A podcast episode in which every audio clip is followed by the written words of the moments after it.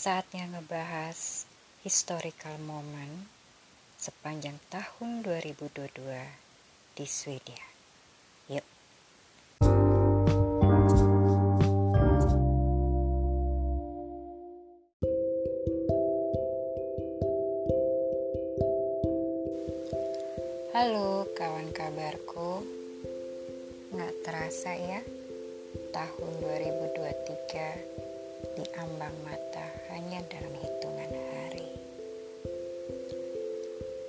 Ocehan jelang tidur Saya Dini hari 30 Desember 2022 Ingin ngebahas beberapa peristiwa penting yang terjadi di Swedia. Yang saya amati, saya baca, dan saya rangkum dari berbagai sumber yang dipercaya. Pertama, bosan gak sih kalau ngebahas pandemi COVID-19, ya, semua orang pasti masih mengingat masa-masa gelap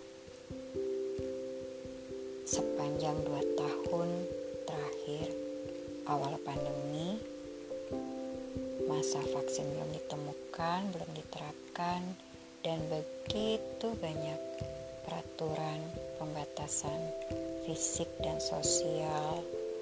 Banyak orang yang di PHK, sektor industri mati, pokoknya pandemi itu menyisakan cerita yang sangat-sangat mengerikan, sedih, pedih buat siapa pun. Nah, kalau dikaitkan dengan tahun 2022, kehidupan masyarakat di Swedia itu kembali normal. Kok bisa? Ya, sampai kapan gitu loh. Kita hidup selalu dibatasi, tidak bisa bersosialisasi, perekonomian mati, bisnis stuck, terus kita nggak bisa lintas batas negara untuk bertemu keluarga buat para perantau dan banyak hal lain yang membuat kita semua itu enough dengan situasi pandemi itu. Nah, mengingat jumlah populasi penduduk yang sudah tervaksinasi mencapai target bahkan tahun 2022 itu sudah mulai ada yang divaksinasi ketiga, keempat, kelima, dan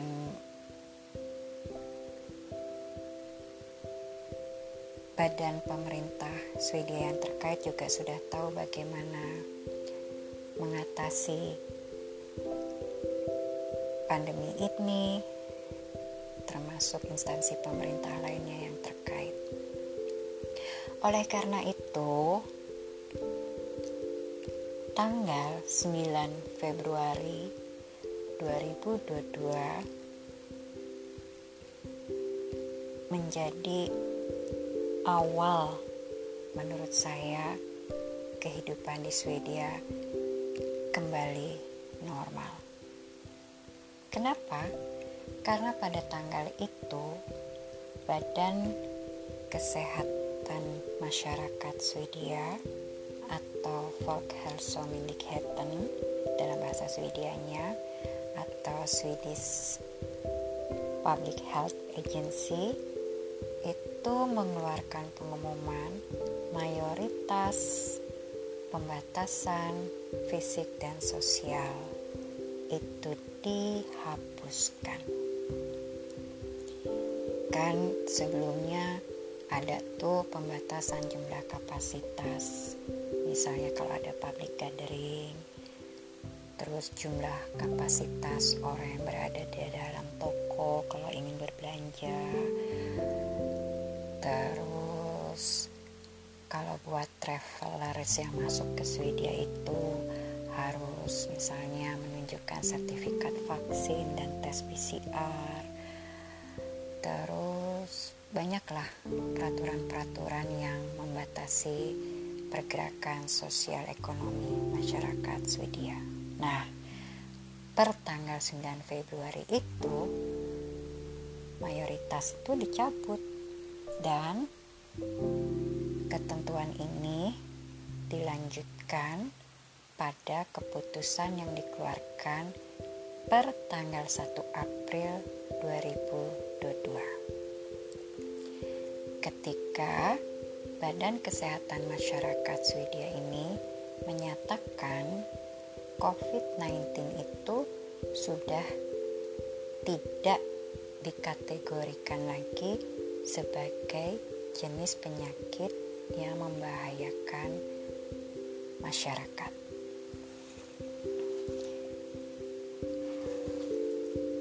According to the Swedish Public Health Agency, saya mengutip laman resmi Folkhälsomyndigheten.se, COVID-19 will no longer be classified as a generally dangerous illness and to society. 1 April 2022. Kita bisa lihat informasi itu dengan detail di laman resmi mereka, termasuk di laman resmi krisinformation.se. Nah, artinya ketika COVID-19 sudah dinyatakan bukan penyakit berbahaya lagi, ya kehidupan itu bertahap kembali normal sebelum seperti sebelum pandemi. Biarpun tetap ada anjuran-anjuran untuk kita aware dengan imun tubuh kita. Kalau kita misalnya ada simptom flu memungkinkan untuk work from home atau study from home. Dan ya dikembalikan kepada individu yang bersangkutan untuk tetap aware dengan kesehatan diri sendiri dan lingkungan sekitarnya gitu loh ya protokol kesehatan itu diterapkan kepada diri sendiri. Ya, dikembalikan deh kepada individu yang bersangkutan. Mau mengambil hikmah nggak dari apa yang terjadi sepanjang dua tahun terakhir itu? Biarpun sudah divaksin tapi tidak ada salahnya kan kita bersikap waspada. Kalau kata orang bijak, ya. Sebelum terlambat kan lebih baik kita waspada. Gitu. Nah akibat ketentuan per 1 April itu Swedia pun membuka perbatasan negaranya untuk semua negara. Jadi sebelumnya kan ada tuh kategori negara yang bisa masuk ke Swedia, ada tuh negara yang belum boleh masuk Swedia. Biarpun sebelumnya Swedia memang tidak pernah menutup perbatasannya, tapi ya ketika negara tetangga seperti Denmark, Norway, Finland menutup perbatasan ya mau nggak mau ya Swedia tertutup perbatasannya. Nah, per 1 April 2022 semua negara travelers dari semua negara bisa memasuki Swedia dan tidak perlu lagi tuh menunjukkan sertifikat vaksin atau tes PCR untuk masuk ke Swedia. Ya, sedih juga sih kalau melihat sektor pariwisata yang benar-benar berdampak benar-benar terdampak sektor industri penyertanya. Dengan demikian, terbuka deh wisatawan mancanegara untuk berwisata kembali ke Swedia. Kota tua Stockholm jadi ramai lagi. Nah, itu seputar pandemi COVID-19.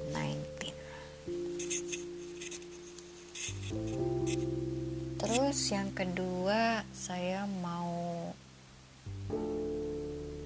nyerempet-nyerempet politik sedikit. Politik dan emansipasi wanita. Tahu nggak sih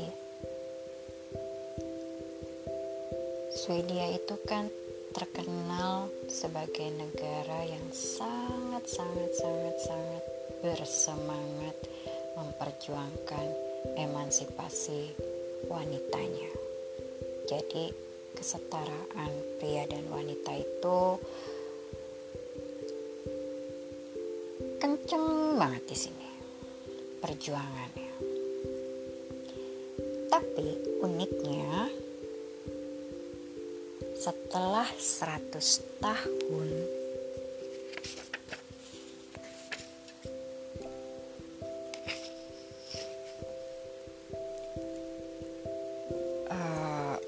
pasca parlemen Swedia memutuskan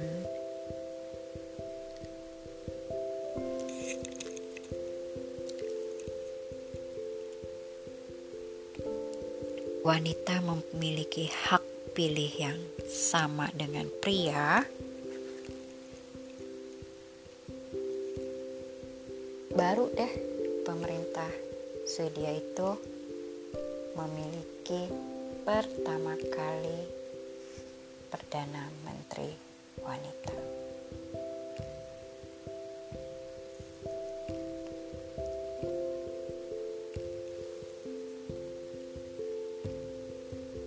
Siapa sih Perdana Menteri wanita Swedia yang pertama?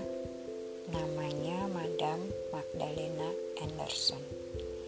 Dia sebelumnya Menteri Keuangan dan pemimpin partai kiri terbesar Sosial Demokrat.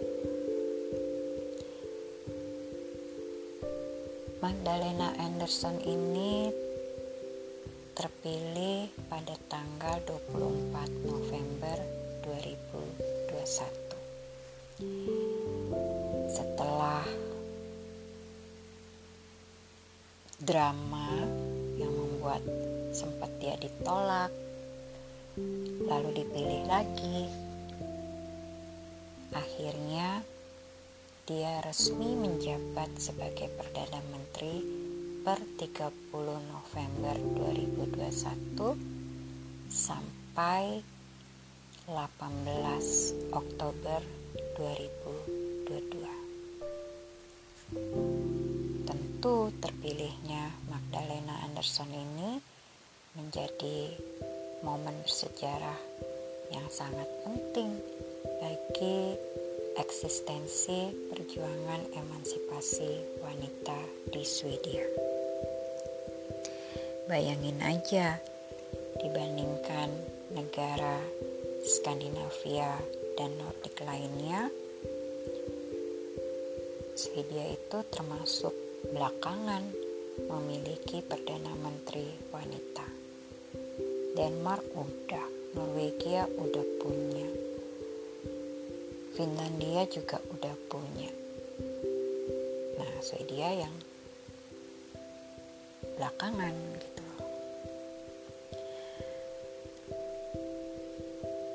Ya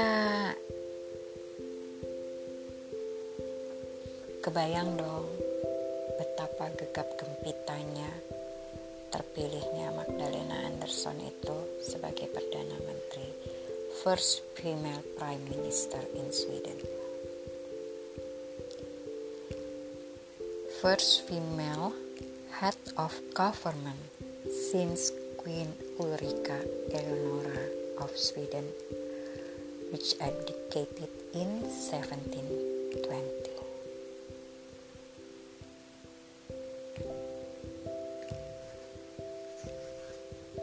benar-benar peristiwa bersejarah. Cerita tentang emansipasi wanita di Swedia itu menarik sebetulnya buat dikupas lebih detail nanti ya. Nah, terus kalau dikaitkan dengan politik lainnya, tahun 2022 itu kan berlangsung pemilihan umum. Saya itu sudah tiga kali ikut pemilihan umum di Swedia. Uniknya, biarpun saya warga negara asing dengan status permanen residen, saya punya hak pilih. Biarpun cuma sampai level kota media jadi saya punya hak untuk memberikan suara pada level kota media atau komun dalam bahasa Swedianya. Nah 11 September 2022 itu pemilihan umum berlangsung. Dan pertama kalinya juga ya setelah beberapa kali pemilihan umum Partai Sosial Demokrat berikut koalisinya itu dikalahkan oleh kelompok kanan.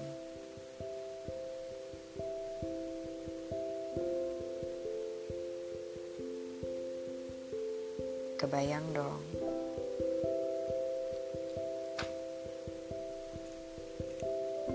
Sekarang partai kanan yang berkuasa. Partai kanan itu terdiri dari partai moderat, Kristen Demokrat, Liberal, dan Sweden Demokrat.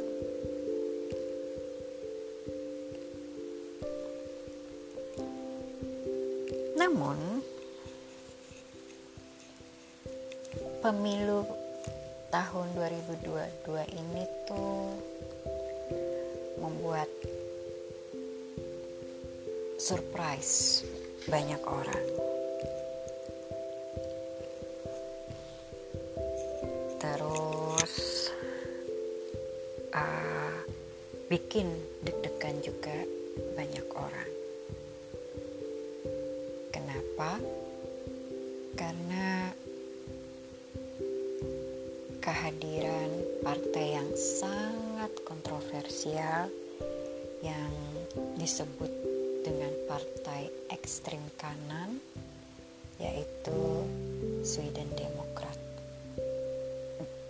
Partai ini awalnya tuh dianggap jokes atau ya lucu-lucuan lah. Tapi pelan tapi pasti simpatisan atas partai ini bertambah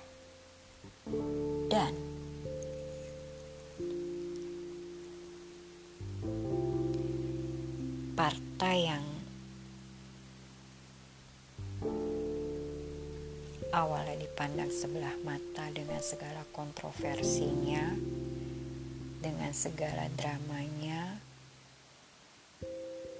itu menjadi partai kedua terbesar di Swedia pada pemilihan umum tahun 2022 ini. Mengalahkan Sebelumnya dalam percaturan politik di Swedia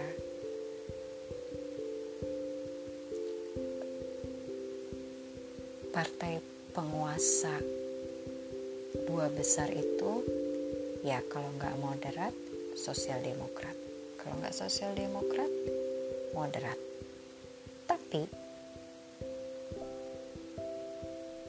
hasil pemilu 2022 ini partai ekstrem kanan Sweden Demokrat ini mengambil alih posisi partai moderat menjadi partai kedua terbesar setelah Partai Sosial Demokrat.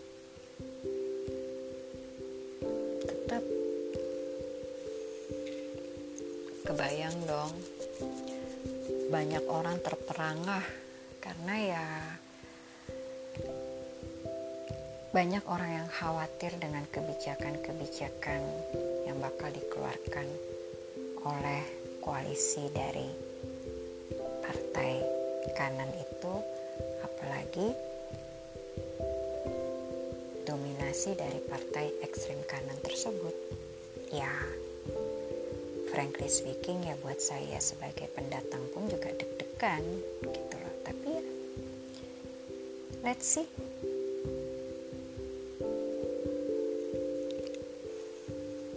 complicated kalau ngebahas itu. Nah, setelah informasi politik, ada peristiwa yang lucu banget yang menjadi bahan gosip banyak orang. Yang dibicarakan di sosial media, di Twitter, di tempat kerja atau kalau saya curi dengar ketika saya duduk di subway atau baca koran gitu ya itu tentang kaburnya. Ular kobra. Ya dari akuarium. Eh sorry bukan akuarium. Dari kandangnya yang dijaga ketat entah kenapa dia bisa kabur ya. Ular kobra sepanjang 7 feet itu yang bisa kalau nanti makin dewasa dia bisa sepanjang 18 feet. Kebayang gak sih gimana orang gak pada deg-degan gara-gara berita ular kobra kabur itu. Ular kobra itu bernama Sherfash karena dia berhasil kabur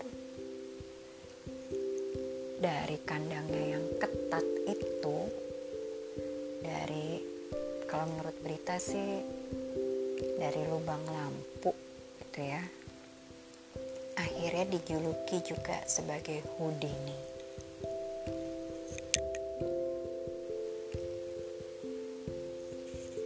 Peristiwa itu terjadi pada tanggal 22 Oktober Oktober 2022 lokasinya di area khusus ya buat kayak kebun binatang di Skansen open air museum kan ada area khusus buat hewan-hewan akuarium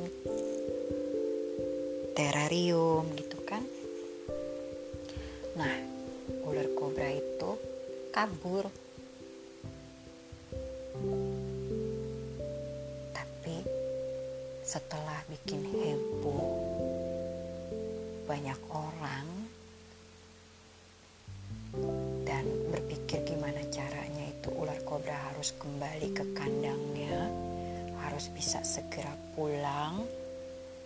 ya serem juga kan? Oh pokoknya lucu deh. Kalau ngebaca netizen ya Swedia ngebahas peristiwa ini ya lucu-lucu sedap ngeri juga sih gitu kebayang ular kobra sepanjang 7 feet. Terus kalau dewasa bisa sampai 18 feet ya hitungannya sih masih baby katanya ahli hewan yang ngebahas ya di sebuah talk show lah gitu kan. Tapi lucunya Shervas itu atau Hudin itu pulang sendiri ke kandangnya. Ketika udah heboh gimana caranya untuk supaya dia bisa pulang ditemukan? Wah pokoknya nggak taunya dia sudah ada di rumahnya lagi. Jadi resmi tanggal 31 Oktober 2022 itu Houdini udah ada di kandangnya lagi. Ya kedinginan kali ya atau dia bingung untuk kaburnya dari bagaimana. Karena ternyata sulit juga untuk keluar dari kompleks kandang hewan-hewan tersebut kali. Atau dia terjebak dalam perjalanan untuk kabur ke alam bebas. Atau dia pas keluar dingin. Ya. Saya ingat saat itu tuh udara udah mulai dingin dingin banget. Ya dia kan ular tropis yang biasa hidup di daerah kayak di India, Indonesia, Filipina, daerah-daerah panas. Keluar dari kandang, kedinginan kali, makanya dia, ah, gue lebih baik pulang aja. Ya,